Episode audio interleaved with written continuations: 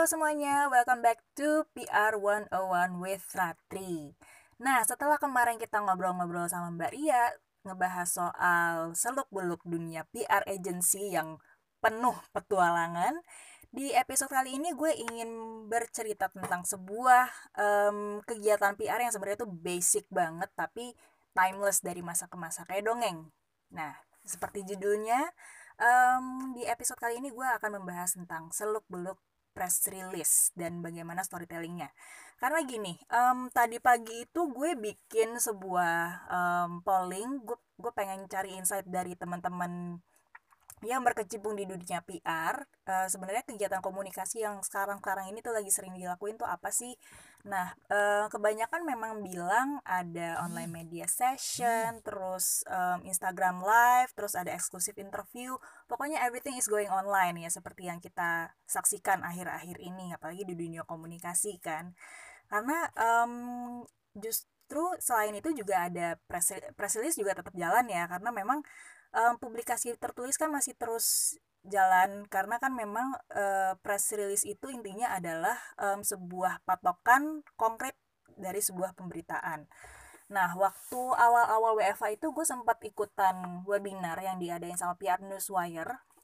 Di situ tuh um, di webinar tersebut uh, ada seorang editor eh, editor senior dari The South China Post yang mana uh, beliau ini cerita bahwa isi press release berita itu kan memang topiknya nggak bisa jauh-jauh dari the, the it topic right now gitu kan. Karena gimana pun um, inilah yang sedang kita alami. Tapi gimana tapi um, meskipun topik utamanya adalah adalah si COVID-19 bukan berarti nggak bisa disambungin ke industri mana pun. Selama uh, artikel-artikel yang ditulis dalam press release itu tetap relevan dan nggak nggak dan nggak memaksa. Terus udah gitu pemberitaan yang uh, lebih banyak mengangkat human interest itu juga uh, sekarang-sekarang ini tuh lagi jadi primadonanya apalagi sekarang kan momen-momen Ramadan jelang Lebaran itu uh, cerita-cerita atau press release yang mengangkat soal human human story success story itu biasanya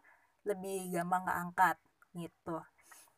Karena gini loh kalau menurut gue juga um, press release selain sebagai eh, sebagai patokan dari sebuah pemberitaan yang konkret selain dari wawancara um, press release itu menurut gue adalah garda depan kegiatan komunikasi di mana uh, denyut ceritanya perusahaan dari waktu ke waktu itu uh, udah tercatat.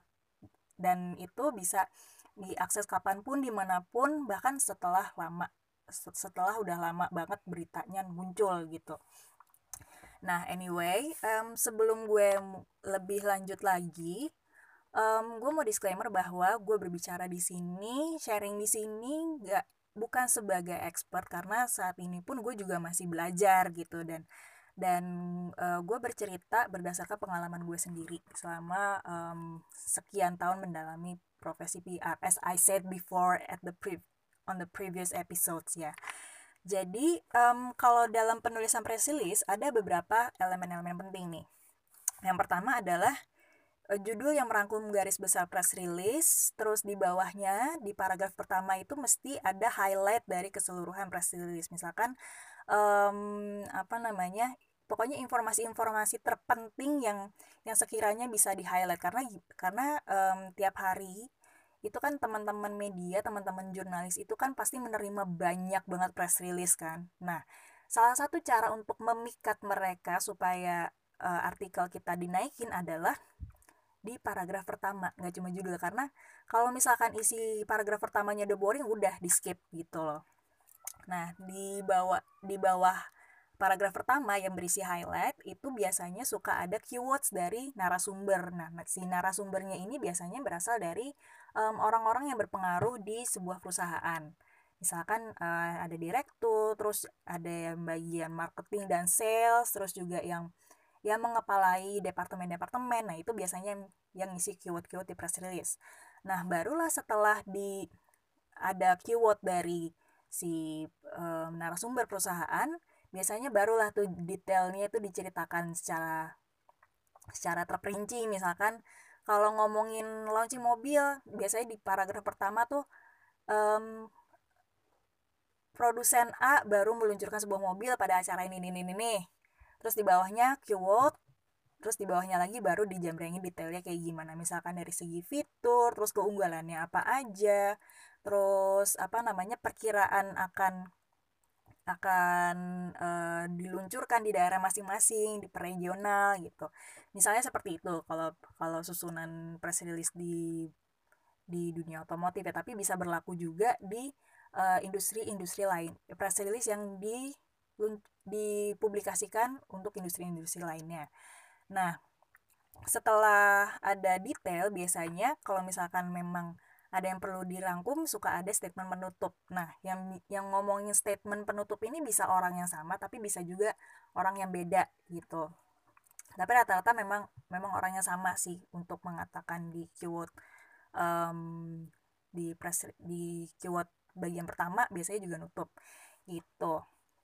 Nah kalau ngomongin soal press, press release nih ya itu nggak mungkin lepas dari bagaimana kita uh, bercerita ibaratnya kita menceritakan sebuah dongeng lah gitu. Makanya um, waktu it, beberapa waktu lalu gue ikut sebuah webinar yang diselenggarakan sama um, Perhumas yang mana membahas soal PR storytelling. Ini menarik banget sih karena um, elemen-elemen storytelling di PR itu terbagi dari jadi beberapa bagian. Nih gue ceritanya mungkin lumayan panjang nih jadi kayak kayak kuliah lagi. Bahkan kayaknya waktu gue kuliah dulu nggak nggak diajarin nggak diajarin secara detail sih storytelling story storytelling di PR ini seperti apa.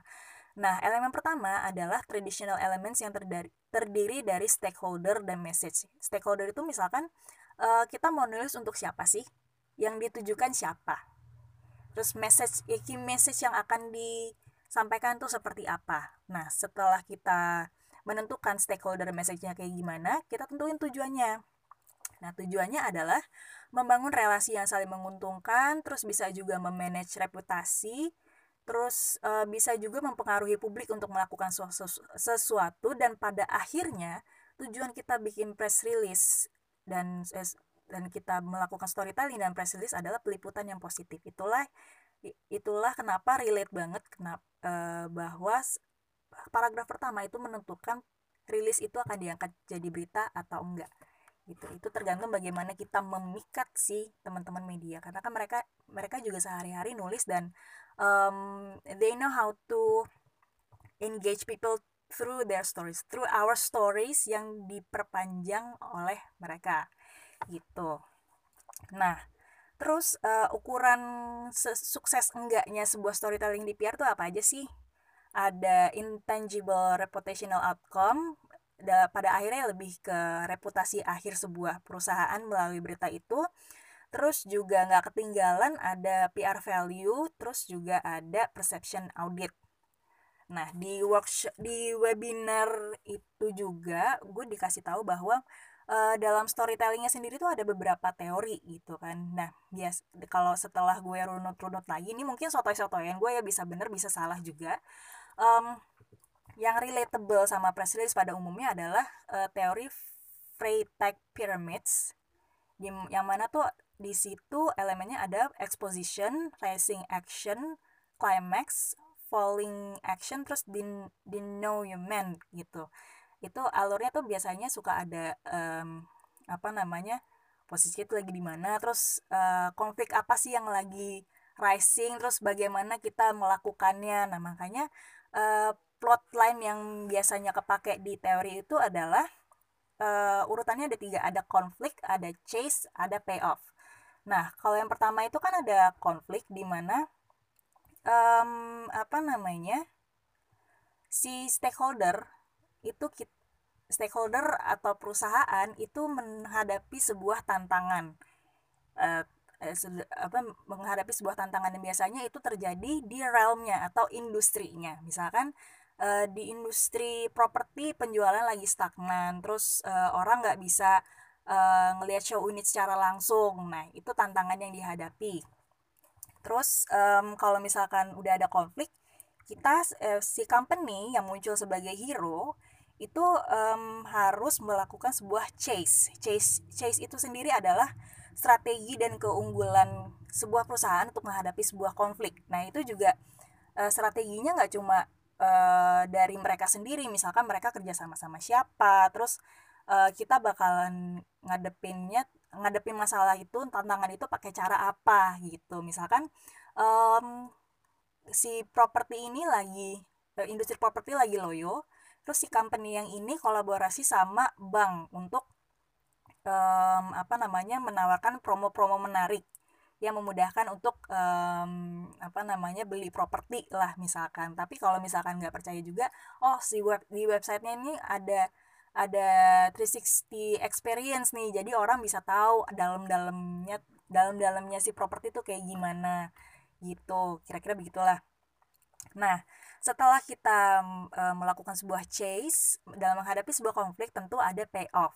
Nah payoff ini biasanya um, mengandung sebuah harapan kita tuh maunya dengan adanya program ini harapannya apa sih selain selain uh, pada akhirnya cuan gitu kan. Terus juga um, sebelumnya kita tuh pernah uh, si perusahaan ini pernah meraih prestasi seperti apa dan gimana cara si company ini um, apa namanya meraih prestasi tersebut caranya gimana. Dan itu terbukti kepake di um, apa namanya rilis yang diceritakan saat itu eh saat ini misalkan.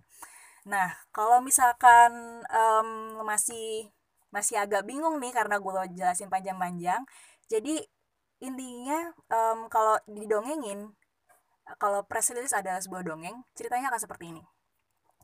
Pada suatu hari sebuah perusahaan sedang um, menghadapi sebuah konflik yang bisa saja mengacaukan sebuah industri yang mana um, misalnya di lingkungan sekitar si perusahaan itu um, banyak yang nggak punya akses untuk um, mendapatkan sembako. Nah, si perusahaan ini berupaya untuk menolong orang-orang di sekitar mereka dengan misalkan um, um, membagikan sembako ke ber, ke lingkungan sekitar dengan jumlah sekian, partnernya sama siapa, eh, partner dengan, dengan perusahaan B kita kolab kita kolaborasi. Terus juga um, karena kita juga menghadapi masa-masa PSBB distribusinya dilakukan secara um, apa namanya dari rumah ke rumah tapi nggak mengharuskan orang-orangnya untuk keluar rumah dan penyerahan dilakukan secara simbolik gitu. Dan cara itu berhasil juga diterapkan pada tahun lalu. Terus impactnya um, warga yang dapat pertolongan itu lebih uh, lebih ada buktinya mereka mereka bisa jauh akses akses sembako mereka jadi lebih gampang ya. Ya kurang lebih seperti itu gitu. Dan hero nya seperti yang gue ceritakan tadi ya si si pimpinan atau orang yang punya kuasa di perusahaan itu gitulah. Jadi makanya kalau gue bilang um, do not underestimate the power of storytelling in a press release ingat. Karena cuma di press release aja ya cuma melalui press release aja kita bisa nentuin si tokoh utamanya bahkan orang yang paling berkuasa itu bakal ngomong ngomong apa sesuai dengan apa yang kita harapkan sesuai dengan um, apa namanya plot yang kita inginkan gitu. Dan tentunya sudah melalui persetujuan dari orang yang bersangkutan atau orang yang atau orang di bawahnya yang sekiranya lebih tahu sosok sosok beliau itu seperti apa. Nah, makanya dalam press release itu enggak eh, mesti disesuaikan juga eh, mesti disesuaikan juga siapa siapa yang eh, bisa naruh keyword di situ. Misalkan kalau eh, soal apa namanya keunggulan si produk itu biasanya yang ngomong adalah um, expert di bidang marketing atau sales terus abis itu kalau lebih eh, kalau misalkan ngomongin ke detail biasanya itu bagian itu bisa dilakukan oleh bagian riset. Nah, kalau soal uh, riset press release itu sendiri emang sebenarnya sih butuh waktu dan butuh data yang konkret untuk disampaikan ya sebelum sebelum di diramu terus habis itu dipublikasikan ke teman-teman media gitu gitu kurang lebih seperti itulah cerita gue dalam dalam menggodok press release. Semoga bisa dimengerti materinya. Dan kalau misalkan um, butuh pertanyaan lebih lanjut DM aja nggak apa-apa via Instagram atau via Anchor juga nggak apa-apa. Dan gue juga senang dengan senang hati menerima dan karena di sini gue juga masih belajar bareng soal si teknik penulisan press release apalagi storytelling gitu kan. Jadi um, gue pikir storytelling di PR apalagi dalam bikin press release itu makes us makes us awesome makes us public relations awesome gitu. Karena kita menciptakan sebuah dongeng kita bangun realmnya kayak kita kembali lagi realmnya kayak apa kita tentuin juga hero nya siapa cara yang ditempuh seperti apa penyelesaiannya seperti apa. Gitu keren gak sih? Gue jadi berasa eh gue kadang tuh kalau misalkan mikir kayak gini ya rasanya tuh gue kayak udah jadi beberapa J.K. Rowling atau J.R.R. Martin aja gitu cuma ya gimana pun um, mesti disesuaikan juga dengan apa yang apa yang mereka mau untuk disampaikan ke publik gitu. Oke, segitu dulu podcast gue kali ini. Sampai jumpa di episode selanjutnya. Bye.